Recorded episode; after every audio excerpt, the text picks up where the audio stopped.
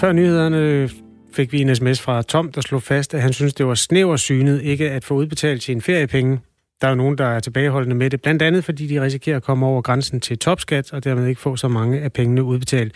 Toms øh, udgangspunkt, hans øh, bagtanke med at sende det, lige bruge det ord, er, at øh, pengene jo, hvis de kommer ud i hænderne på folk, bliver brugt til at stimulere forbruget og få gang i butikker og andre øh, brancher, som har haft det svært. Men øh, Tom, han har fået nogle svar fra folk, der ikke øh, synes, de var snæversynet overhovedet. Hellig Frans, der mener, at man bare skal få udbetalt feriepenge til ekstra topskattebetaling, kan jo bare selv gøre det. Klassisk dansk grådighed, at det er de andre, der skal betale. Det bør helt klart være op til hver enkelt at vurdere den privatøkonomiske situation og ønske om udbetaling. Min husstand får en ekstra skat på 12.000 kroner, hvis vi får dem udbetalt, så det bliver et klart nej tak. Der er også kommet post fra Dan, der skriver, der er ret stor forskel på 38% skat og så 3-44% skat når det kommer til debatten om, hvorvidt man vil have de indefrosne feriemidler udbetalt. Og i et af de lande med det allerhøjeste skattetryk, kan jeg godt forstå, at det kan give anledning til lidt modvilje mod udbetaling på grund af topskatten.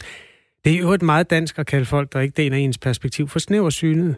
Regeringen har valgt at gøre det frivilligt, om man vil have pengene udbetalt, så jeg opfatter det som noget selvcentreret at udskamme folk, der, fra, der udskamme folk for at vælge feriepengene fra, fordi de ikke vil betale topskat af dem. Udover det med de indefrosne feriepenge, som kan udbetales til oktober, så har vi også været omkring uh, dræbervepsene. Er de på vej til Danmark eller ej? Øhm, og så har vi talt om ikke. corona. Ja, der er set en i England. du bliver ved. Der er en uh, lytter, der har skrevet ind, og det er faktisk en opsummering af hele vores første time i Radio 4 morgen dag. Feriepenge? Nej tak.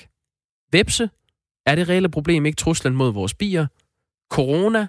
Er risikoen større eller mindre, når man møder en tilfældig somalier, end en tilfældig dansker? Do the math!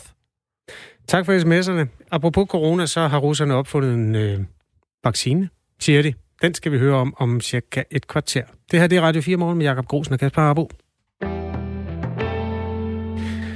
Vi skal lige begynde i det politiske univers. For øhm, der er jo et parti i Danmark, som har rotationsprincip. Det betyder, at medlemmerne ikke kan stille op igen efter syv sammenhængende år i Folketinget. Det har gennem tiden betydet, at meget populære skikkelser har måttet tage en pause, og nogle af dem er så vendt tilbage igen. Men øhm, formålet med den her bestemmelse har været, at man vil gøre op med levebrødspolitikere. Sagen er bare den, at der nu tegner sig flertal bag et forslag om, at man i enhedslisten ændrer princippet, så politikerne kan sidde i op mod 11 år, i stedet for de nuværende syv, som er begrænsningen. Danmarks Radio har snakket med 13 folketingsmedlemmer fra enhedslisten. Seks af dem svarer, at de bakker op om forslaget. Der er tre, der ikke har taget stilling, så er der en, der er imod, og der er tre, der ikke har haft lyst til at svare. En vedtagelse af det her forslag, som altså ændrer reglerne, en vedtagelse af det forslag vil gøre, at enhedslistens frontkvinde og politiske ordfører Pernille Skipper kan få fire år mere. Nu har vi Henning Hyllested med. Han er også medlem af enhedslisten, medlem af Folketinget og transportordfører. Og det er jo dit forslag, Henning Hyllested. Godmorgen. Godmorgen, godmorgen. Hvorfor vil du ændre i det, som nogen kalder for enhedslistens DNA, altså rotationsprincippet?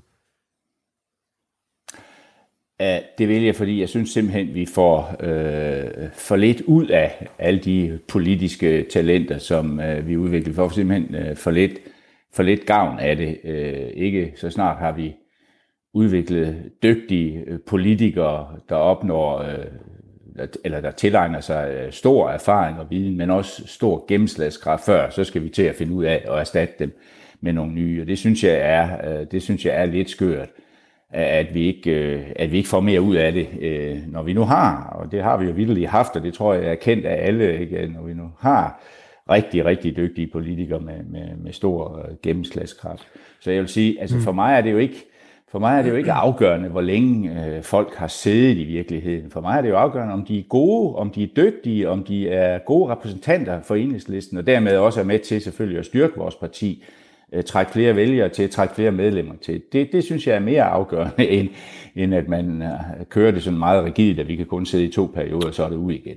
Hvis man tager øh, det modsatte synspunkt, så kan man sige, en, øh, altså jeg tror alle, uanset om man er socialist eller ej, så er man enig i, at øh, enhedslisten har udviklet nogle markante politikere i skikkelse af for eksempel Johannes Schmidt mm. Nielsen, og senest Pernille Skipper. Ja. Altså yngre politikere, som har øh, fået chancen og grebet den og blevet dygtige øh, talspersoner. Øhm, det er jo en effekt af, at, øh, at det ikke er for eksempel Søren Søndergaard, der kunne blive siddende i 50 år, eller øh, Frank ja. Eller hvem der nu har været, eller dig. Øhm, mm. Du kan jo ikke få både det ene og det andet. Risikerer man ikke, at man får hvad skal man sige, sådan en gammel garde nu, i stedet for det, som man har haft tid til, altså mange unge kræfter? Nej, altså, ja, altså for det første så synes jeg heller ikke, det er afgørende, og hvor gammel man er. For mig er det stadigvæk afgørende, øh, om man er dygtig der, hvor man er, om man er en god repræsentant for enhedslisten. Og det er nemlig, jeg vil næsten sige, at det forholder sig næsten lige omvendt. Og i og med, at vi øh, at man gør det godt, og at vi dermed også tiltrækker flere vælgere, og bliver et større parti, får flere mandater, så er der også plads til nye talenter. Det er faktisk sådan set det, der skete. Altså man kan jo sige, da jeg blev valgt ind i 2011, og det var samme år som Pernille Skipper for eksempel, blev valgt ind, jamen det var jo i kraft af, at, at vi der gik fra at være fire folketingsmandater til pludselig at være 12, mm. og året efter, eller hvad slutter valget efter, så, så, så blev vi øh, 14 Men... folketingsmedlemmer. Det var det, der gav plads til, at blandt andet Pernille Skipper og jeg selv og en hel stribe andre, øh, synes jeg jo selv dygtige folk, øh, kom ind Øh, men Henning Hyllested, hvornår har I smidt... Et, prøv lige, jeg skal lige have historien på plads. Hvornår ja. synes du, I har smidt noget guld på gaden? Hvornår var der nogen, der røget ud, som i virkeligheden kunne have trukket, øh, gjort det rigtig godt? Jamen det synes jeg jo, at, det synes jeg jo, Johannes Schmidt Nielsen er et rigtig godt eksempel på. Pelle Dragsted er en anden. Og nu skal vi jo så til at finde en afløser for Pernille Skipper. Nu hvor hun, kan man sige, har, har, har dels vundet stor erfaring og viden, men jo også stor gennemslagskraft og stor, hvad skal man sige, øh, øh, altså, stor erfaring med at forhandle. Det er jo en, en ny position. Det er også den ændring, der er sket for enhedslisten, at vi jo pludselig er blevet et, et, et pænt stort parti. Sidste folketingsvalg var vi, øh, eller det forrige folketingsvalg var vi fjerde største, nu er vi sjette største, ikke? og indgår nu i, i forhandlinger om finanslov og i øvrige aftaler osv. videre, Ikke? Altså, det kræver, det kræver i virkeligheden rigtig mange år at opnå hele den erfaring, der hører til. Det er jo ikke nok bare at sætte sig ind i, i lovforslag. Det er i sig selv et, et kæmpe arbejde i, i sit område. Hmm. Men det er jo også det der med, at man opbygger relationer, og man opbygger kontakter til det netværk. Enhedslisten vil jo gerne være, det har vi jo altid brystet os af, vi vil gerne være sådan bevægelsernes parti, vi vil gerne være talerør for, for, for bevægelserne ude omkring. Men det kræver altså også, at, at, vi, har noget, at vi har noget pondus, og, og det har vi øh, kun, hvis, hvis vi også er et stort parti, med, med mange mandater. Det synes jeg er vigtigt, og der er det som sagt vigtigt for mig, at vi så også kan udnytte øh, de rigtig gode folk, øh, som vi har, som har stor gennemslagskraft. Det mener Henning Hyllested, som altså foreslår, at man fremover kan sidde øh, i Folketinget i, det vil så sikkert ende i praksis med at være tre perioder i stedet for to. Øhm, ja. Enhedslistens arbejdsmarkedsordfører Jette Gottlieb, hun øh, bestemmer mod dit forslag, Henning Hyllested. Hun siger sådan her. For det første kan jeg ikke mindes nogen, der har holdt op med at være politisk aktiv efter de holdt op. Altså mig selv inklusiv, da jeg holdt op første gang. Øh, og det vil sige, at de er der jo hele tiden. Og det vil sige, at man kan sagtens bruge deres erfaringer, og man kan få meget glæde af det. Når politikerne alligevel bliver ved med at være tilknyttet partiet, og man har jo set adskillige, der er vendt tilbage efter de, de, de fire år af karantæne, kan man kalde det, er udstået. Når de alligevel ender med at være tilknyttet partiet, og partiet kan trække på deres erfaringer, hvorfor skal man så ændre på rotationsprincippet? Jamen det skal man, fordi vi har brug for, at de er, om jeg så må sige, direkte repræsentanter. Her snakker vi jo altså om folk, som for eksempel Johan Schmidt Nielsen, eller for den sags skyld Pernille Schieber, ikke?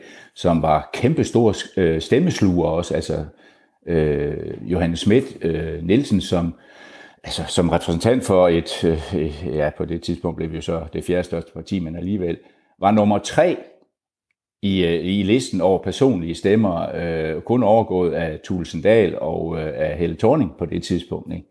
Øh, jeg tror, man regnede ud dengang, at hun trak i sig selv to et halvt mandat. Bare for at sige, hvor stor gennemslagskraft hun har. Pernille Skipper fik 33.000 personlige stemmer ved sidste folketingsvalg. Ikke? Altså, jeg synes det er vigtigt, at vi kan bruge de folk, altså også direkte for partiet, og dermed også være, øh, at bidrage til, at vi bliver et rigtig godt talerør for, for folk ude omkring, altså for bevægelserne, fagbevægelsen, klimabevægelsen, miljøbevægelsen, hvad det hedder alt sammen. Ikke? Mm. Det synes jeg er vigtigt. Øh, det er klart, Johannes Schmidt Nielsen er jo fortsat i en fin stilling som, øh, hvad hedder det, direktør eller sådan noget for, for Red Barnet, og Maria Gjerding sidder som præsident, som det hedder, over i Danmarks Naturfredningsforening. Og det er godt, at de er stadigvæk medlemmer af partiet, og Vi øh, trækker da også lidt på dem ind imellem, men det er jo slet ikke det samme som, at hvis de kunne stå frem for partiet og være repræsentanter for enhedslisten. Henning Hyllested, øh, du siger, at du gerne vil have politikere med pondus og nogen med et netværk, nogen, der ved, hvordan man forhandler og kender det politiske game. Hvordan er det ikke levebrødspolitikere, du vil have? Jamen, det har ikke noget med levebrødspolitikere at gøre. Levebrødspolitikere, det, det er jo sådan nogen, der, øh, ja, der, får, der får, om jeg så må sige, lim på taburetten, der ikke kan komme derfra, men som ikke yder øh, en, en ordentlig indsats, og som bare sidder der for at hæve løn, om jeg så må sige. Nu er enhedslistens løn jo ikke noget at råbe for, vi har som bekendt enhedslisteløn på niveau med en faglært arbejder i, i København, så vi betaler det øh, en stor del af det, vi får i, i, i Folketings øh, vederlag som, som partiskat. Hvad er det i øh, kroner? Øh, nej, det sig det. Jeg tror, der sidder nogen og tænker, Nå, hvad, hvor meget snakker han om? Hvad, hvad får du om måneden? 30? 35? Ja, jeg får 34-35.000 okay. om måneden. Ikke? Godt, det var bare for lige at faktaboks der. Ja, så det er cirka, cirka ah, det er endda en godt og vel en tredjedel, jeg afleverer i partiskat af, af den løn, jeg får som, som folketingsmedlem. Men, men, men, øh, og det er det, jeg mener, altså, det, der er vigtigt for os, eller det, der er vigtigt for mig, og det er derfor, jeg stiller forslag, det er jo, at, at folk er dygtige der. Det har det, det, er, det, har det øh, og det har med det at gøre, at de er dygtige der, hvor de sidder, de er gode repræsentanter. Vi har i forvejen en mekanisme, øh, som, så, vi, så vi undgår de der levebrugspolitikere, fordi vi hver eneste år der har vi jo uafstemning om, hvem der skal stille op til Folketinget, og i hvilken rækkefølge de skal stille op. Det stemmer alle enhedslistens medlemmer om hver eneste år i en uafstemning. Og der vil jeg sige, hvis der er nogen, der begynder at udvise øh, pampertendenser eller levebrødstendenser eller noget i den stil, så bliver de ikke placeret, så vil øh, enhedslistens medlemmer ikke stemme dem op på pladser, der giver valg til Folketinget. Så, så der har vi en glimrende øh, reguleringsmekanisme i øvrigt. Tak fordi du var med, Henning Hyllested. Ja, velbekomme. Henning Hyllested er transportordfører, medlem af Folketinget for Enhedslisten, og så er det altså manden, der har stillet forslaget om, at man gerne øh, skulle kunne tage 11 år, altså op til 11 år som folketingsmedlem, i stedet for det nuværende rotationsprincip, der betyder, at man øh, maks kan sidde to perioder. De er i hvert fald gode til at finde vellønnede stillinger efter tiden på borgen, er der en, der skriver på sms'en. Det er nok til Johannes Schmidt Nielsen og... Øhm... Maria Gerding. Ja. Danmarks Naturfredningsforening. Øh, Bo skriver, selvfølgelig skal enhedslisten bibeholde deres rotationssystem. Det er bedre skærmtid for os andre, der kommer friske ungmøer på tv-væggen i stuen, end at man som licensbetaler skal kigge på rynkede rosiner og kedeligt klædte midalderne socialisttyper. Åh, oh, det var sexistisk, var det ikke det? Ja, det synes jeg, den var, Bo. Men altså, øhm, de har jo også nogle unge mænd. Jeg ved ikke, hvad jeg vil sige, men jeg, sidder, jeg prøver ja, bare at lave noget ligestilling. Nævn en. ikke, hvad en, en, en ung mand, Pelle Dragsted? Ja, der er der Pelle Dragsted, der er ham. Gud, fri mig vel. Jeg kan ikke komme i tanke om den eneste. Jamen, så går vi videre. Ja. Klokken er 18 minutter over syv. Vi skal til coronavaccine-kapløbet, som har været hæsblæsende, og selvfølgelig også livsnødvendigt verden rundt. Det giver lidt mindelse om rumkapløbet for dem, der kan huske, hvordan det foregik, eller atomkapløbet for den sags skyld atomvåbenkapløbet, og som altid er det Vesten mod Rusland. Og Rusland har vundet. Det var i hvert fald den meddelelse, der udgik i går. Øhm, for første gang i verden er en vaccine mod den nye coronavirus blevet registreret, sagde Putin. Han er præsident i Rusland ved et regeringsmøde. Han sagde desuden, at en af hans egne døtre har fået to skud af vaccinen. Og øhm, Flemming Spidsbol følger jo Rusland tæt som seniorforsker ved Dansk Institut for Internationale Studier. Godmorgen. Ja, godmorgen. Øh, tror du, Rusland har fundet den rigtige vaccine, eller er det her et stunt? Ja, jeg håber selvfølgelig, at de har fundet den rigtige vaccine, og at de faktisk øh, snart vil være klar til at, øh, at rulle et omfattende vaccinationsprogram ud. Der er nok også noget politik og noget stunt over det. Øh, nu nævner du selv, øh, at det er lidt ligesom et våbenkapløb og et rumkapløb, og der er faktisk allerede en hjemmeside, som, øh, som øh, fortæller om den her nye vaccine. Sputnik kalder de vaccinen. Og når man går ind på hjemmesiden øh, Sputnik Vaccine, så er der en, øh, en øh, lille knap, man kan trykke på, og så hører man altså bibet øh, den første lyd fra den første satellit, øh, der blev opsendt i 1957, og det er jo den oprindelige Sputnik. Så mm. der er nogle klare sådan tråde tilbage til, til rumkapløbet og, og hele den der forestilling om, eller fortælling om, at, at Rusland og Sovjetunionen tog verden med storm, og ligesom var de første, der brød igennem øh, den mur af forhindringer, som, øh, som stod foran os. Det store spørgsmål er jo, om den virker, den her. Øhm, og der er en hel masse mellemregninger, der er en hel masse politiske forhold, der gør sig gældende. Altså i Danmark, ligesom resten af verden, arbejdes der jo også, og Statens Serum Institut er jo også, øhm, står også bag et øh, forsøg med at lave en, øhm, en vaccine. Der kom en ud, meddelelse ud midt i juli om, at der er noget, der hedder Covaxis, som er under udvikling under ledelse af Anders Fomsgaard, som er professor ved øh, Statens Serum Institut.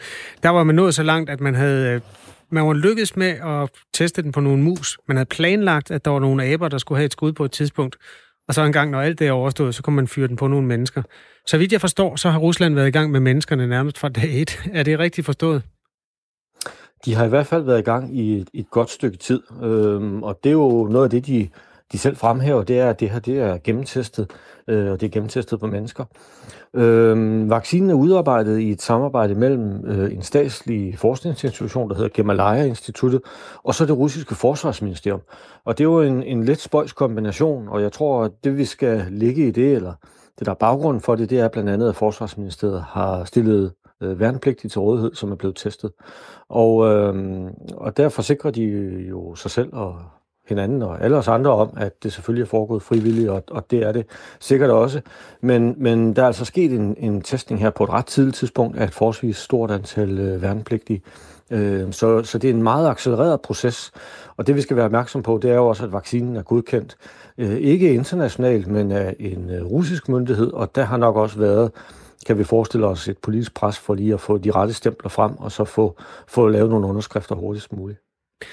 Kåre Mølkerbak er øh, faglig direktør ved Statens Serum Institut, og han sagde ved et pressemøde i mandags, at det bliver slutningen på coronapandemien, når den der vaccine er klar i de doser, der skal til for at øh, lægge pandemien ned verden rundt. Han regner med, at en vaccine først er klar i 2021. Det var det, han sagde i mandags. Øhm, og Rusland siger nu, at man er klar. Hvad, hvad kommer det til at betyde for, for Rusland, det her, tror du? Det afhænger jo meget af, om, om den faktisk virker, øh, og om den har den, den tilsigtede effekt. Vi må sige, at de russiske myndigheder har jo talt om det et stykke tid, og, og vi har jo også talt om det tidligere. Øh, jeg har kommenteret også, hvordan man nogle gange i Rusland har de her meget store nationale projekter, og der er en stor fanfare og fyrværkeri, og så et par måneder senere, eller to år senere, når finansieringen måske er, er rådet lidt ud, og, og det alligevel ikke er blevet til det, man har regnet med, så lader man bare være med at tale om det mere. Den her sag er efterhånden blevet lidt anderledes, og især jo også øh, efter pressemødet i går, som du selv sagde i din indledning, så var Putin jo på pressemøde, eller han stillede op på tv, og så sagde han, at nu var den klar, og man er klar til at rulle ud, og 1. januar vil den være på hylderne, og så sagde han så, at en af hans to egne døtre er også blevet vaccineret. Og det kan russerne selvfølgelig godt huske, når de kommer til 1. januar, at, at det er jo nu, den skal være der, og det er nu, jeg kan gå til lægen og blive vaccineret.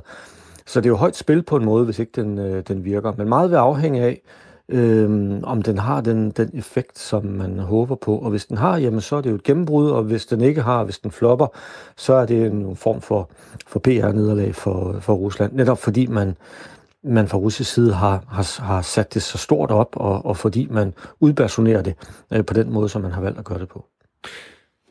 Rusland har jo nogle historiske sejre inden for rumindustrien, inden for atomkraftværk øh, og sådan noget. Ikke så meget, hvis vi tænker lidt tilbage i historien. Øh, videnskabsfolk har de jo både, hvad skal man sige, dygtige, og så har vi også nogle historier, hvor det russiske system, og især det Sovjetunionens øh, system, stod i vejen for, for tingene. Hvis man opdaterer, eller hvad skal man sige, opsummerer på den lægevidenskabelige del, der har Rusland været kendt som, altså for at sige det som det er, det, det, de har været dygtige til at lave øh, sådan dopingprogrammer og den slags. Det, det er foregået øh, i et statsligt regi. Nu har vi noget, der hedder vaccine, hvor der ikke tidligere har været et internationalt fokus på øh, Ruslands øh, evner. Har du noget overblik over, hvor dygtig er deres lægestab? Nej, det må jeg sige, det, det, det har jeg jo ikke, men jeg kan i hvert fald sige, at, at det er jo ikke noget, vi, vi normalt forbinder med Rusland, og det er ikke øh, sådan hele medicinalindustrien, og ikke et, et område, hvor Rusland normalt er førende. Det er klart, der er noget, de bygger på fra sovjetperioden, Øhm, det er et stort land. Øh, de har en betydelig industri, og det er primært til hjemmemarkedet, og så er det til, til omkringliggende markeder. Så jeg kender jo også folk fra de tidligere sovjetrepublikker, som altid vil bruge russiske præparater, og de tror ikke på vestlige præparater. De russiske er de bedste, og de sovjetiske er måske endnu bedre. Så der er jo noget, man kan bygge på der, men det er jo ikke noget på samme måde som for eksempel med deres missilindustri i dag, øh, som vi forbinder med øh, et, et område, hvor de er hvor de er toneangivende. Så, så på den måde er det også overraskende, øh, hvis de kommer så langt. Men, men igen, de siger at de bygger det forholdsvis simpelt på nogle præparater, som allerede var der, og de er videreudviklet. Øh, så byggestenene var der i forvejen, og det er derfor, det også har, har kunnet, øh, kunnet ske så hurtigt. Det er en spændende historie, som vi følger, og vi vender tilbage til også, når vi ved lidt mere og helt konkret om, hvor, hvor, hvilken skala den er klar i, den her øh, vaccine. Tak skal du have, Flemming Spidsbol. Ja, selv tak. Seniorforsker ved Dansk Institut for Internationale Studier og ekspert i Rusland og russiske politiske forhold. Hvorfor har I ondt i røven over det Rusland, der har udviklet vaccinen mod corona? Hyklere, I blå lejesvende, der ikke kan tænke selv, og må have hjælp af Trump til at formidle jeres russerhed. Er der en, der skriver på sms'en? Ja, velgørende med blå lejesvende. Jamen det er da egentlig, øh, ja, rart at få den i skoene. Vi plejer jo at blive beskyldt for, at vi er imod Trump. Ja, men det er simpelthen... Øh, vi lægger dem der i nogle bunker, og når året er om, så finder vi ud af, om, om der er lige mange af hver beskyldning. For så mm. tror jeg, vi har gjort noget rigtigt. Daniel, han skriver ind, Godmorgen. Den russiske vaccine, du er da helt sikkert. Problemet med deres lynproces er, hvad med bivirkninger? Det er jo det, vi andre tjekker i lang tid. Fedt at overleve covid-19, og så dø et år senere af organsvigt eller lignende, skriver Daniel. Det kan vi jo ikke vide endnu. SMS'en er åben. Du skriver R4 og et øh, mellemrum. Din besked, som kommer afsted til 1424.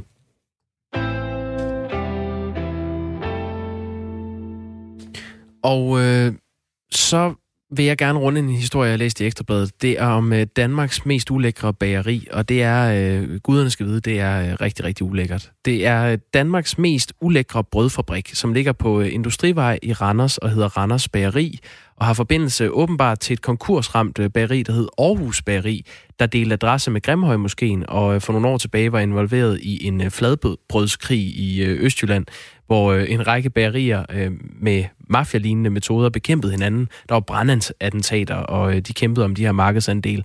Nu bliver de her fladbrød så produceret i et stille og nedslidt industrikvarter i Randers.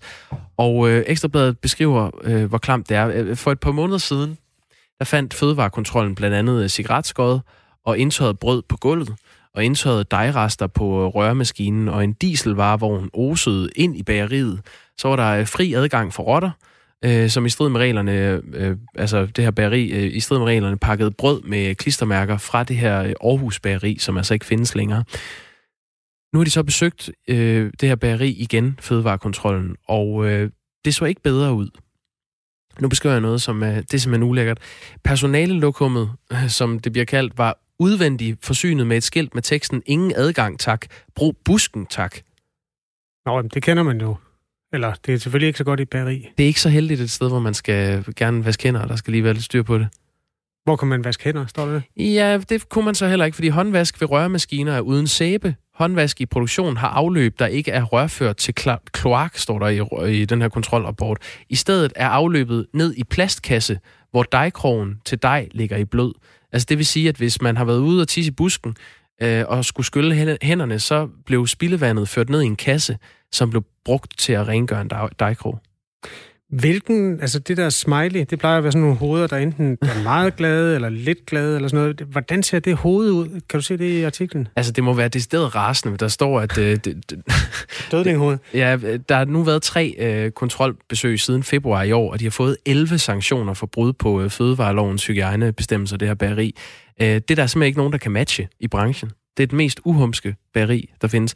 Det Orla Sink, som er fødevareekspert, siger til Ekstrabladet, uhørt, ulækkert, undgå for alt i verden at spise brød derfra, hvis du vil undgå at blive syg. Godt, jamen så er det bageri, der er anmeldt. Klokken den er 7.28 i øh, Radio 4 morgen. Ja. Det vi kan nå at sige, det er, at øh, der er nyheder om et øh, lille minut. På den anden side af den, så skal du tale med Pia Kjærsgaard og Jacob Grosen om den her øh, sager, der bliver prøvet i flygtningenævnet. Det glæder jeg mig til. Hun øh, er ligesom øh, hende, vi talte med tidligere, som er formand for, øh, øh, hvad var det, den hed, den øh, øh forening, øh, udlændingeretsadvokater. Øh, hun er imod, det er Pia Kjærsgaard også, men af nogle andre årsager.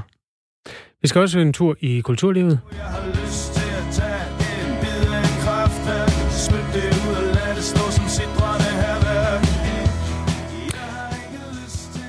Nej, øh, Simon Kvam har ikke lyst til at dø. Det er der sådan set ikke nogen i kulturlivet, der har. Man føler bare, at man er på vej til at gøre det.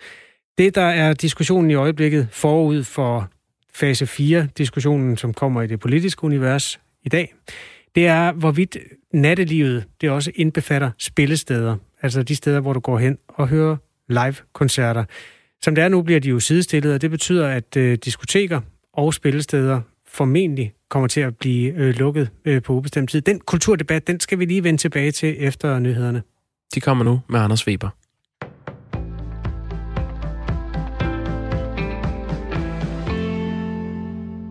Statens Serum Institut vil invitere 18.000 tilfældige danskere til at blive testet for, om de har antistoffer i blodet mod covid-19. Det oplyser instituttet i en pressemeddelelse. Ved at teste for antistoffer mod covid-19 kan Serum Instituttet få en bedre idé om, hvor mange der tidligere har været smittet med viruset. Borgerne vil blive inviteret til test hen over de næste tre uger, og de første prøver ventes at blive taget i næste uge. Når partierne i Folketinget i eftermiddag mødes for at drøfte udskydelsen af næste fase af genåbningen, så vil Venstre stille krav til regeringen om, at svar på coronatest skal være klar inden for 24 timer. Det siger Inger Støjberg, retsordfører og næstformand i Venstre. Det er kun ret og rimeligt, at man får svar på test inden for et døgn. Det er jo en meget stor indgriben i ens liv, når man skal hjem i isolation, så nu må myndighederne oppe sig med et hurtigere testsvar, siger hun. I dag kan der gå op til 72 timer, altså tre døgn, fra man bliver podet for coronavirus til testsvaret kan ses på sundhed.dk. Desuden fortæller Inger Støjberg, at der skal gøres en større indsats for, at personer, som er testet positive for coronavirus, ikke bryder deres isolation. Derfor bliver vi nødt til at håndhæve det og sikre, at folk rent faktisk opholder sig i isolation. Det kan jo ske ved, at man laver stikprøvekontroller for at sikre, at folk rent faktisk er hjemme, siger Inger Støjberg. Og med til dagens forhandlinger imellem Folketingets partier har SF og Enhedslisten et forslag om, at regeringen bør opfordre virksomheder og deres ansatte til igen i højere grad at begynde at arbejde hjemmefra. Det skyldes, at smittekurven er begyndt at gå i den forkerte retning. Men for at bane vejen for mere hjemmearbejde, så bør den nuværende arbejdsmiljølov revurderes. Det mener partier fra begge sider af Folketingssalen, skriver Berlingske. I arbejdsmiljøloven er der skrabe krav til hjemmearbejdspladsens indretning ved mere end en ugelig arbejdsdag i privaten. Og det besværliggør ifølge blandt andet Arbejdsgiverforbundet Finansforbundet vejen til mere hjemmearbejde. Også fagforeningen Djøf mener, at det er tid til at tage et nyt kig på loven, det siger næstformand Sara Vergo. Jeg synes, det er oplagt, at vi kigger på, om arbejdsmiljølovgivningen er en hemsko, øh, for den er jo egentlig lavet for at beskytte medarbejderne, men den er måske også lavet på et tidspunkt, hvor man ikke var helt opmærksom på potentialet i at arbejde mere hjemme. Pensionsalderen skal ikke kunne stige til mere end 70 år, sådan lyder det fra SF, som vil stille forslaget i Folketinget. Både de radikale og Dansk Folkeparti har meldt ud, at de ønsker et stop for den planlagte kontinuerligt stigende pensionsalder ved 70 år. Enhedslisten har i går sagt, at de ønsker et stop ved 68 år. Og derfor skal aldersgrænsen nu prøves af i Folketinget, det siger politisk ordfører for SF, Carsten Hønge. Jeg er sikker på, at hvis Folketinget vedtager, at uanset den her automatiske stigning, altså er der grænser for galskaben. Vi lægger et låg på 70 år. Det vil være med til at skabe en, øh, en ro og en tryghed. Både Venstre og Socialdemokratiet afviser et sådan forslag, og tilsammen har de to partier et flertal i Folketinget.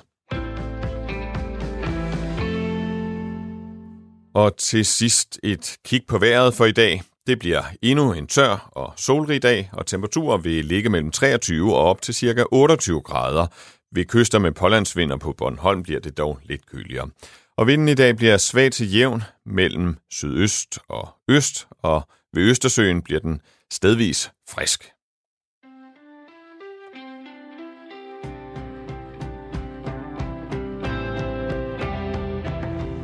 Vores nyhedsvært i Radio 4 Morgen er Anders Weber. Jeg hedder Kasper Harbo. Og jeg hedder Jakob Grosen, og vores øh, udlændinge- og integrationsminister hedder Mathias Tesfaye, og han øh, kom i går med et forslag om at løfte en, øh, en gulderod på øh, 20.000 kroner foran øh, asylansøgere, der får afslag på deres asylsag hos Udlændingestyrelsen. Og øh, som det er i dag, så får alle afviste asylansøgere automatisk prøvet deres sag hos Flygtningenævnet, øh, hvis Udlændingsstyrelsen i første omgang har nægtet dem øh, asyl i øh, Danmark. Men Mathias Tesfaye vil altså give dem 20.000 kroner, hvis de opgiver deres ret til at anke. Og han sagde sådan her i Radio 4 morgen i går. Vi har asylansøgere fra nogle lande, hvor praktisk talt alle får afslag, når de anker deres sag til flygtningenevnet. Og tiden går, og det koster en frygtelig masse penge for Danmark. Øh, det kan hurtigt komme op og koste et par hundredtusind kroner per snude. I øh, hans eget parlamentariske flertal er enhedslisten og radikale imod det her forslag, mens de øh, ved de blå partier øh, hos Venstre og Konservative er positive. Og så er der Dansk Folkeparti. Godmorgen, Pia Kærsgaard. Godmorgen. Udlændingoverfører i øh, netop Dansk Folkeparti. Øh, hvorfor er det ikke en god idé, fordi det ved jeg, at du ikke synes, det er, øh, at give 20.000 kroner til asylansøgere for at få dem til at droppe deres øh, ankesag? Fordi vi bliver ved og ved og ved at betale penge til asylansøgere. Vi lokker for at få dem hjem igen, hvor det burde være helt naturligt, at når de får et afslag, jamen så skal de naturligvis vende hjem, og ikke have penge for at vende hjem. Jeg synes bare, at øh, det bliver ved og ved med, at øh, der er penge involveret hver gang vi betaler om asylansøgere. Så er der repatrieringsstøtte. Nu er der hvor, som vi også skal have kigget på, fordi det viser sig jo, at mange af dem kommer tilbage igen, selvom de har fået en enorm støtte. Det er slet ikke i lighed med de her 20.000, det er ganske mange flere penge, kommer hjem igen øh, og bliver i Danmark øh, uden at betale støtten tilbage. Der er simpelthen så meget rod, og nu skal vi altså til at forholde os til, at når man har fået afslag, så får man 20.000, hvis man vil være så venlig og vende hjem. Altså, jeg synes faktisk, når, lige når jeg siger det, så lyder det helt åbenbart tosset, at øh, man skal give 20.000 til en person, som får at vende hjem, som faktisk har fået afslag fra vores myndigheder. Ifølge ministeriet koster det øh, over 150.000, hvis man øh, fortsat skal indkvartere øh, asylansøgere, mens den her ankesag bliver behandlet. Og det kan jo så, det her forslag, altså spare øh, samfundet op til 130.000 kroner, hvis en enkelt asylansøger vælger at, øh, at droppe ankesagen. Hvorfor er det ikke Dansk Folkepartis politik at spare de penge? Øh, så kunne de gå til, til velfærd. Jo, men det lyder også meget øh, nemt og logisk. Jeg synes bare, at jeg vil tilbage til at sige, hvorfor i alverden skal man betale nogen, der har fået at vide, at de ikke må være her. Så skal de jo bare hjem. Altså, det, det er for mig akavet, at øh, man søger asyl. Vores myndigheder øh, øh, giver afslag. Og så, øh, nå, jamen, så bliver man her alligevel. Men hvis du nu alligevel vil vende hjem, efter du har fået afslag fra de danske myndigheder, så får du så med 20.000 lige i lommen. Og vi skal heller ikke glemme, at øh, man i forvejen har fået ganske mange penge i den tid, man er her, mens man søger asyl. Altså man har faktisk også fået andre 20.000 for en midlertidig indkvarteringshjælp til, og til beskæftigelse, og jeg ved ikke hvad. Så det koster kassen uanset hvad. Og så synes jeg også, at selve princippet i det er ulogisk. Men, øh, men det er jo fordi, man har ret til at anke sin sag. Altså hvis den bliver øh, afvist, øh, så kan man anke til, til flygtningenevnet. Og hvis man ser på tallene, så er der cirka 17 procents øh, chance kan man sige, for at få opholdstilladelse i Danmark, hvis man som asylansøger øh, anker sin sag og får den prøvet i, øh, i flygtningenevnet. Så hvis det kan spare den danske stat penge, er det så ikke mest af alt princippet, der gør, at, at du ikke vil bakke op om det? Nej, fordi jeg synes stadigvæk, har man fået afslag, så er det ud af vagten. Og så, må altså, man ikke, så man skal lidt. ikke have ret til at anke? Nej, det mener jeg faktisk ikke, man skal. Og hvorfor skal man egentlig det? Altså, hvorfor skal vi have det igennem flere instanser? Vi må stole på udlændingemyndighederne og sige, når de har truffet en afgørelse, så er det den, der gælder. Jeg synes ikke, man skal have ret til at, at anke. Men det er der jo rigtig mange velvillige advokater, der tager de her sager, så hvor jeg kan forstå, også læse i medierne, at de er meget oprørte over det her. Om det så er på flygtningens vegne eller andre vej, eller, eller egne vegne, det skal jeg ikke sige noget om. Jeg synes, det er forkert. Hvis og lad mig så give det en chance, at det viser sig umuligt, at man ikke kan fjerne den her ankemulighed, jamen øh, så må man selv betale for det her. Det er, jo det, det er jo faktisk det samme, man har ved de danske myndigheder, hvor man jo også har mulighed for at anke en eller anden sag. Og det, jeg synes, der er anderledes ved en udlændingesag, det er jo, at øh, når det er de danske sager, hvor man kan gå videre, hvis man bliver dømt i byretten, det er jo fordi, man har begået eller ikke begået. Det er jo så det, der skal bevises en forbrydelse. Det er der jo slet ikke tale om her. Det er noget helt andet. Så jeg synes, vi er alt for lemfældige i forhold til, at øh, man kan anke sin sag. Vi, vi talte tidligere her til morgen med øh, Jytte Lindgaard, som er øh, formand for Foreningen af Udlændingeretsadvokater, og hun sagde, at det her det handler om retssikkerhed. Hun sagde faktisk, at det er, det er dybt urimeligt, at man vil forsøge at presse øh, asylansøgere til at tage imod 20.000 kroner, i stedet for at anke deres sag, som de egentlig har, øh, har ret til. Men, men øh, dit forslag er så, lige nu får vi en sms her fra Jens, der spørger, spørg lige Pia, om hun har et bedre forslag. Må jeg spørge, om dit forslag så er, at, at vi skal afskaffe, øh, at de har ret til at anke deres sag? Det synes jeg. Det er jeg slet ikke i tvivl om. Jeg synes, det er grotesk, at øh, man kommer til Danmark. Man har ikke ret til at være her, siger vores myndigheder, som jeg jo synes, at vi bliver nødt til at stole på. Men så kan man alligevel få ret til at anke. Og det, der er forskellen, det er jo stadigvæk fra en almindelig øh, sag, som en dansker har begået eller ikke begået, altså en øh, forbrydelse på en eller anden måde. Det er, det er jo ikke en forbrydelse at, at søge asyl, vel? Altså jeg kan godt forstå, hvis man har begået en forbrydelse, så skal man have ret til at prøve sin sag af. Og der er det så bare, jeg siger, at hvis det her ikke kan ændres, er der simpelthen nok skal være en eller anden international konvention, der siger, at man skal, man skal have ret til at anke. Mm. Så må man selv betale for det, ligesom man gør i en dansk ret. Det ser bare ikke rigtig ud til, at I har øh, flertal for, for den idé. Øh, både Venstres øh, Mads Fuglede og Markus Knud hos Konservativ bakker op om, om den her idé. Så nu hvor, hvor landskabet ligger, som det gør, og det kan spare staten penge, tror du så ikke, at, at modtageren af den velfærd, som de her penge kan bruges på i stedet, op til 130.000 kroner per sag, er ligeglad med, hvor, hvor pengene kommer fra? Jo, hvis det kommer til at foregå på den måde. Altså det er da klart, at når der er et flertal, og det er der, der ved vi, at der behøver øh, til sig, altså Socialdemokratiet, som man bare henvendt sig til Venstre, så har de flertal. Det kan vi jo ikke rigtig gøre noget ved. Men vi har selvfølgelig ret og også pligt til at udtale vores modstand. Og bliver der mere debat om denne her sag, hvis øh, til sig vil rejse det her forslag i Folketingssalen, når det bliver vedtaget, så siger det sig jo også selv, at så vil vi også følge med i, virker det? Altså tager man imod de her 20.000, eller vælger man, øh, øh, og vælger man så at, at, at, at, at rejse, eller bliver man ved med at rejse sagen hele tiden med velvillige advokater? Fordi jeg kan godt høre, at der er to holdninger, som, der er en holdning, som går imod det her. Der er min og Dansk Folkepartis holdning, der siger, at det er ikke rimeligt, at man har ret til det her. Man skal rejse hjem, når man får afslag. Og så er der den anden holdning, som Jytte Lindgaard og de venstreorienterede partier i Folketinget siger, jamen det er simpelthen tageligt over for de her. Man skal ikke presse for sølle 20.000 og sige, at øh, så kan de rejse hjem. Så det bliver en spændende diskussion. Pia Kærsgaard, udlændingeordfører i Dansk Folkeparti, og altså modstander af det her forslag fra øh, Mathias Tesfaye. Øh, tak fordi du var med. Selv tak. Klokken er 7.42. Det er nemlig det, den er.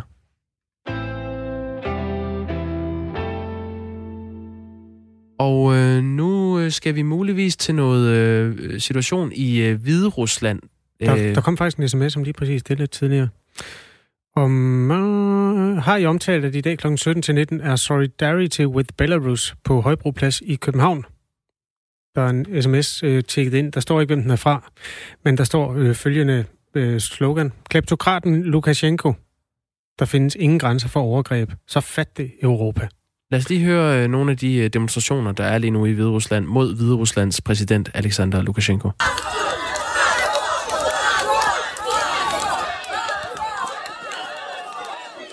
Ved øh, præsidentvalget i weekenden, der blev han genvalgt med 80% af stemmerne, og det er i hvert fald det officielle resultat. Men oppositionen og flere vestlige lande peger på udbredt valgsvindel, og øh, nu er landet altså kastet ud i en voldsom og øh, voldelig øh, krise. Godmorgen, Andrej Kasankov. Godmorgen. Godmorgen. Weekendavisens uh, Ruslands korrespondent, som altså i øjeblikket befinder sig i uh, Minsk, Hvideruslands uh, hovedstad. Hvad er det præcis, der foregår på gaderne i, uh, i flere byer i Hviderusland lige nu? Det, der foregår i Hvide Rusland, det er, at uh, lige siden uh, valgaften søndag, så har uh, demonstranterne og Øh, aktivisterne været på gaden hver aften for at protestere mod Lukashenko, og det har stået op imod øh, Uropolitiet og øh, militæret, som øh, nogle gange har brugt nogle ret øh, voldsomme midler imod den med øh, chokgranater øh, og gummikugler og den slags. Øh, jeg har øh, også stået der både med demonstranterne sådan lidt bag uh, politiet en gang imellem, og det har sådan lidt forskelligt, hvor galt øh, det går. Nogle gange så har øh, politiet sådan ret meget styr på det, uden at bruge det helt øh, hårde metoder i, i brug, og nogle gange så går det ret galt. Der har været nogle sammenstød. Der er i hvert fald øh, en person, der blev dræbt. Der er flere tusinder, der blev anholdt. Og det er generelt de største demonstrationer, man har haft, og uroligheder, man har haft i Hvide Rusland, som nærmest nogensinde, i hvert fald deres moderne historie. Og man kan også se, at det er nogle, øh, generelt er det nogle utraditionelle metoder, man har brugt øh, fra magtens side. Det er sådan, at præsident Lukashenko, han har sådan set slukket for internetforbindelsen her i, i Hvide Rusland. Så i næsten tre døgn, der har vi ingen internetforbindelse haft, øh, at han har lige tændt for den igen. Og det har han selvfølgelig gjort for at gøre det svært for demonstranterne at kommunikere med hinanden og aftale, hvor man skulle mødes. Øhm, og så har han også formået at presse oppositionslederen Svetlana Tikhonovskaya ud af Hvide Rusland. Mm. Uh, så hun er, hun er sådan set ude af landet nu, og det er måske også derfor, at han tør igen tænde for, for internettet. Ja, hun er jo sådan set øh, oppositionsleder og fik ifølge myndighederne knap 10 procent af stemmerne til det her valg, men hun øh, nægter at acceptere resultatet og hævder, at hun er valgets retmæssige vinder. Hun er så rejst til nabolandet og EU-landet i øvrigt, Litauen. Hvorfor har hun været nødsaget til det? Øh, ja, først og fremmest vil jeg sige, at, at uh, altså, officielt har hun fået 10 procent af stemmerne, men uh, det er der ikke nogen rigtig, der tror på, altså, at hun ikke har fået flere stemmer end det. Jeg var med søndag, da hun selv skulle stemme, og der stod flere hundrede mennesker og ventede på hende og klappede af hende og råbte øh, støttende ord til hende på vejen. Øh, uh, Lukashenko, han bliver det i hvert fald ikke mødt uh, på samme måde, når, når han uh, stemmer. Uh, så hun, er, hun var meget populær. Men hun er simpelthen blevet truet af, af magten, af myndighederne til, til at forlade landet, som har haft hende i deres varetægt i flere timer. Og hvad det har truet hende med, øh, det ved man ikke, men man kan forestille sig, at det enten er noget i forbindelse med hendes mand, der er fængslet. Hendes mand sidder jo i fængsel. Han var ligesom den oprindelige præsidentkandidat, der skulle stille op, og hun stillede kun op, eller stillede kun op, fordi at manden var i fængsel, så hun overtog øh, hans plads. Øh, måske har det troet hende med, at hun også skal i fængsel lang tid, og, og sådan noget med, at du kan ikke sende dine børn igen. Hendes børn har hun sendt til udlandet. Men i hvert fald har øh, myndighederne troet hende, og så har de simpelthen kørt hende øh, til grænsen det er ligesom sådan en service, det her ydede hende bagefter. Ikke? Det, så, så gerne vil det her, at hun var væk øh, fra Hvide Rusland.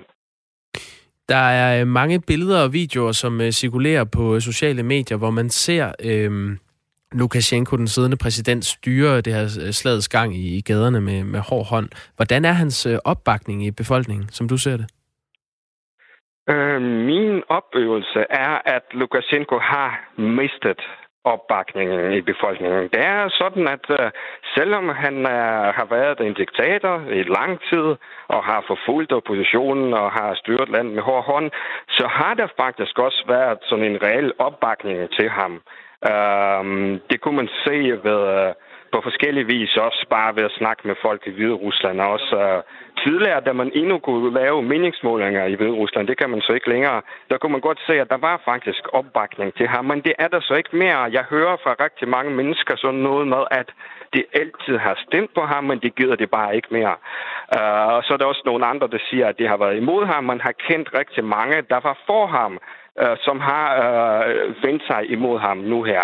Og hvorfor har de gjort det? Det er der sådan lidt flere forklaringer på. Den ene er, at det bliver trætte af øh, sådan en slags økonomisk... Øh, økonomisk, øh, hvis ikke tilbagegang, så i hvert fald er der ligesom ikke nogen udvikling i det.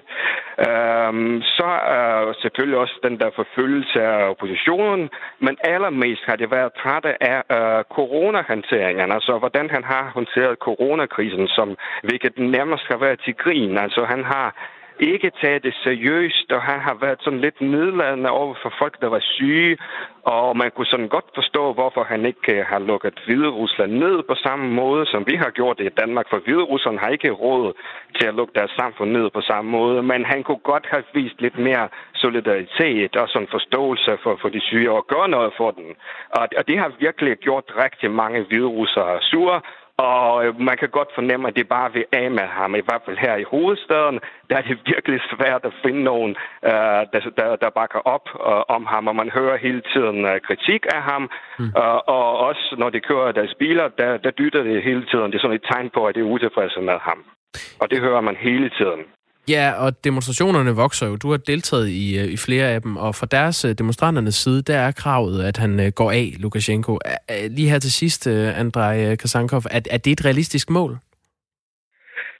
Øh, ja, det er et godt spørgsmål. Jeg spørger det også selv, oppositionslederne, når jeg snakker med dem. Sådan, hvordan, hvordan har I tænkt jer, at det skulle forløbe? Fordi det er jo ret svært, selvom, selvom der, det ser ud til, at, at folket er sådan ret samlet i forhold til, at øh, Lukashenko han skal bare væk. Øhm, det, det er ret svært at komme af med en diktator. Det er ikke så lige til, fordi det er ham, der sidder på magten. Det er ham, der øh, styrer militær for politiet. Og vi har set i Ukraine for eksempel i 13-14 stykker med deres opstand på Majdanpladsen, hvor svært det var for dem at komme af med en øh, præsident. Øh, det tog flere måneder og mange menneskeliv, og Janukovic i Ukraine, han sad altså slet ikke så tungt på magten, som øh, øh Lukashenko gør det i Hvide Rusland. Han har jo haft magten i 26 år. Uh, det vil sige, at han fik den, da Poul Nyrup Rasmussen var nærmest uh, nyvalgt uh, statsminister i Danmark. Det er godt nok lang tid siden, ikke? Det var en Men uh, det, det, det, det, de snakker om, uh, det er, at uh, uh, udover at demonstrere, så overvejer man at, at sætte gang i omfattende strejker i Hvide Rusland. Altså simpelthen sådan noget med at nedlægge arbejdet øh, og forsøge at lægge pres øh, på ham på den måde. Øh, der har været rygter om, at øh, flere storfabrikker øh, er på vej øh, med, med sådan en løsning. Men det har været utrolig svært for mig og andre journalister at få det verificeret, om det er rigtigt, netop fordi vi ikke har haft internetforbindelse. Men øh, den har vi så fået for en time siden, og vi er fuld gang øh, sådan, med sådan et desperat forsøg på at danne os et overblik over, hvad der sådan i virkeligheden sker ude i, i Hvide Rusland rundt omkring. Det sagde Andrej Sankov, øh, Weekendavisens øh, Ruslands korrespondent, og det var altså fra Minsk i Hvide Rusland. Tak fordi du var med. Selv tak. Klokken er øh, 9 minutter i 8. 12. august. I dag mødes Folketingets partier til det, man kalder fase 4 forhandlinger. Det er de forhandlinger, der blandt andet inkluderer kulturlivet og nattelivet, og det er jo spillesteder og diskoteker. For nogen er det to sider af samme sag, for andre er det to vidt forskellige ting. Der er det med kulturlivet, at man har råbt om hjælp faktisk siden nedlukningen, og i går gik flere musikere til tasterne med åbne breve til kulturministeren og statsministeren. Øhm, altså, og det er generelt med den der adskillelse mellem diskoteker og koncertsteder, som ligger rigtig mange af dem på scenen. Michael Falk, øh, Signe Svendsen, Simon Kvam, mange andre fra Kulturlivet har råbt op på internettet for at få koncertstederne genåbnet i en eller anden form. Der er for eksempel Simon Kvam, som jeg kan citere her. Han skriver, Diskoteker er komplet forskellige i forhold til, hvor længe man opholder sig der, og hvordan folk opfører sig, mens de er der. Diskoteker og spillesteder er også væsentligt forskellige i forhold til, hvilken rolle de udfylder i samfundet. Og så skriver han en hel del mere. Vi skulle egentlig have haft øh, Jimmy Riese, som er direktør i Copenhagen Music, med. Øhm, problemet er, at han sidder i en flyvemaskine lige nu. Så øh, hans side af sagen, det er jo altså musiklivets side, den vil jeg forsøge at, øhm, at prøve sådan just mig til ved at kigge på de forskellige Facebook-profiler undervejs. I en debat, som også inkluderer Kasper Sandkær, og du er til stede. Godmorgen. Godmorgen. Kulturordfører hos Socialdemokratiet. Kasper Sandkær, gør det indtryk på dig, når musikere i stort tal beder om, at øh, I skældner de to ting fra hinanden, altså koncert- og spillesteder, adskilt fra diskoteker og natklubber? Ja, men det gør altid indtryk, øh, når, øh, når, når kulturlivet blander sig i debatten, men, men lad mig bare indlede med at sige, altså vi har aldrig øh, set øh, spillesteder øh, og diskoteker i, eller natklubber i den samme øh, kategori. Altså det, det, det tænker jeg åbenlyst for enhver, at det er noget meget forskelligt. øh, Øh, der er på spil. En, en natklub, det, det, er jo, det er jo folk, der kommer ind fra gaden og kan være til klokken 4 om morgenen, og, og, og som udgangspunkt jo nok med en, med, med en del alkohol, hvor et, et spillested jo er en aktivitet begrænset nogle timer, hvor at, at, at, øh, at der ligesom er en organisering, der er billetter øh, og så videre. Så det er vidt forskellige ting, og vi har, vi har heller aldrig behandlet det øh, som, øh, som det samme. Øh, så det er en lidt ærgerlig misforståelse, der, der har fået lov at leve, men så er det jo godt at kunne være, kunne være med her og aflive den. Præcis, men I har jo placeret dem i samme fase, samme bås, nemlig det, der hedder fase 4. Det, som vi udskyder så lang tid som muligt i coronaens navn. Hvorfor er de så lige farlige, hvis de er så vidt forskellige, som du beskriver der? Nå, nej, men de er heller ikke øh, lige farlige. Øh, men det er rigtigt, de er i samme øh, fase, og det er fordi, de, øh, tror jeg, begge to øh, sammen jo med, med andet tilhører øh, noget af, øh, at det, hvor sundhedsmyndighedernes vurdering er, at smitterisikoen øh, er størst. Øh, og og øh, hvis vi bare hvis vi nu glemmer de der natklubber, så taler om, hvorfor er det, der, der er en sundhedsrisiko på, på spillestederne, så er det jo, fordi man typisk er øh, stående, øh, men, men det har det jo med at blive til, det har det i hvert fald selv, når jeg er til koncert, til både øh, dansende og syngende, øh, og det kan også være, der kommer, kommer lidt indbord, så kan det være det der med at holde, holde afstand af noget, man, man, man lidt glemmer. Så derfor har det jo været vurderingen, at, at der var en stor risiko forbundet med at, øh, at åbne for, øh, øh for spillestederne. Ikke? Kasper Sandkær er kulturordfører hos Socialdemokraterne. Kasper, jeg beder dig lige om at være en lille smule forsigtig med din mikrofon. Den larmer en lille smule, hvis du kan holde den, så ja. den er i samme position. Jeg ved, et, et øh, af synspunkterne hos Danske Agenters sammenslutning, som øh, Jimmy Riese, øh, som vi egentlig havde en aftale med, han, han er talsmand for. Han, han siger, at altså, i den branche har man et udstående på 400 millioner kroner i kompensation, fordi festivalerne, de har jo fået en masse hjælp, øh, men man har jo valgt at rive kontrakterne over, sådan force majeure. Og derfor har den der branche brug for rigtig meget hjælp nu. Der er ikke noget publikum, og det begynder også at ramme institutionerne økonomisk. Flere steder er decideret tæt på at gå konkurs. Hvad kan du tilbyde dem i de forhandlinger her? Jamen lad, lad mig bare sige, altså vi har jo været øh, fra starten af, og er jo fortsat i, i tæt dialog, både med øh, spillesteder og med, øh, øh med musikernes forbund og, og andre øh, aktører for jo både at, at se på, hvordan øh, kan vi arbejde sammen om en, en eventuelt øh, genåbning, hvis det er er ønsket fra, fra Folketingets partier, men jo også, øh, hvad er det for nogle kompensationsordninger, der er, er brug for, for at kompensere de, øh, de tab, der jo har været forbundet med coronavirusen, for så mange mm. øh, har, har jo desværre øh, lidt tab, øh, selvom at, at de ingen skyld har i, at Danmark er blevet ramt af en, af en global pandemi. Øh, og, og det fortsætter vi jo med. Altså vores udgangspunkt er jo, at hvis at der er øh, restriktioner på, Øh, eller der er nogen, der ikke kan få lov at åbne, jamen men så skal vi have fundet en måde at kompensere for, for de tab, som, som det medfører. Ikke? Altså, der er jo ingen tvivl om, at der er det steder, der ikke kan komme til at åbne. Der er næsten ikke andet. Så øh, hvad er jeres... Øh, du siger, hvis man kan skaffe flertal og sådan noget, men I går vel også selv ind med en indstilling til det her. Det er kulturlivet. Det er de steder, man hører koncert. Hvad vil I gøre for at redde dem?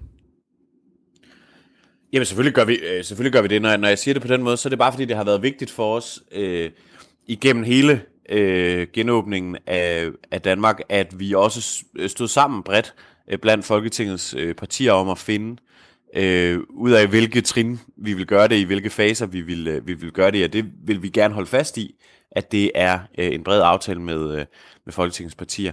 Øh, og, og så siger du, hvad er det så, vi kan øh, tilbyde dem? Jamen, det er jo det, jeg siger, altså, vi er, har været i tæt dialog øh, med dem for at se på, hvis øh, det skal åbne, øh, under hvilke forhold kan det så være, hvilke øh, restriktioner kan man gøre, der gør, at det bliver mere øh, sikkert at, øh, at gå til koncert. Og uanset om det får lov at åbne med øh, restriktioner, eller det er noget, som, som skal holdes lukket, øh, indtil videre, indtil der er, er, er styr på smittetallene, jamen så skal vi finde en løsning på en, en kompensation, der dækker det, øh, det tab, de har. Øh, det er vores helt klare indstilling. Hvad med musikerne? Vil regeringen på en eller anden måde komme dem økonomisk til hjælp? Ja, altså der er jo allerede hjælpepakker, som, som også omfatter musikerne, og, øh, og, i, og, og i det tilfælde, at man jo ikke kan komme på arbejde, som det jo betyder, hvis at spillestederne øh, fortsætter lukket, jamen så skal, så skal de kompensationsordninger selvfølgelig fortsætte. Kunne du forestille dig et scenarie, hvor det er muligt at lave koncerter i Danmark fra øh, i en eller anden hvad skal vi kalde det, tilpasset fase 4, fase 3,5, et eller andet, hvor man kan tage de steder ud, som, eller de, de fænomener ud, der hedder koncerter, og så gennemføre dem på en smart måde? Jamen, det er jo, det er jo noget af det, vi, vi skal drøfte. Altså, der er ingen tvivl om, når vi kigger på tallene i, i de her dage og uger, så går det jo den forkerte vej med smittetallene. Altså flere og flere øh, bliver smittet, når vi kigger rundt øh, til lande omkring os, øh, rundt i verden, så, så viser det jo med al tydelighed, at, at vi på ingen måde er over øh, coronavirusen. Og derfor så er vi også øh, forsigtige i øh, tilgangen til øh, genåbningen af, af Danmark, fordi vi gerne vil sikre, at vi ikke skal, for det første, øh, sundhedsrisikoen øh, selvfølgelig, men også fordi vi jo gerne vil sikre, at vi ikke skal øh, lukke hele landet ned igen. Øh, da vi gjorde det i marts, havde det jo store omkostninger for, øh, ja, for os alle sammen, øh, og det ville vi jo gerne øh, undgå. Så måske hellere gå lidt langsommere frem øh, i, øh, i, i, i genåbningen, for at være sikker på, at vi kan holde, øh, holde smittetallene øh, under kontrol. Men, men selvfølgelig kommer der jo, og, og, og alle håber jo, jo før jo bedre en, en dag, hvor vi kan mm. åbne det hele igen, og, og også kan komme til koncerter, også øh, uden øh, restriktioner. Ikke? Det er fase 5. Lige nu snakker vi fase 4. Kasper Sandkær, der er 30 sekunder til nyhederne. Hvis du vil sige et eller andet, der skal indgyde kulturlivet håb, spillestederne, musikerne, hvad skulle det så være? Du kan lige nå det. Jamen, så vil jeg bare øh, sige til dem, at vi gør øh, alt, hvad vi kan, for at, at, at det, der øh, kan åbne og skal holde sig åbent, at det kan foregå øh, forsvarligt, og dem, der ikke kan åbne, eller hvor det bliver med stramme restriktioner, der øh, sikrer vi, at der kommer en, en kompensation for de tab, de lider. Tak fordi du var med.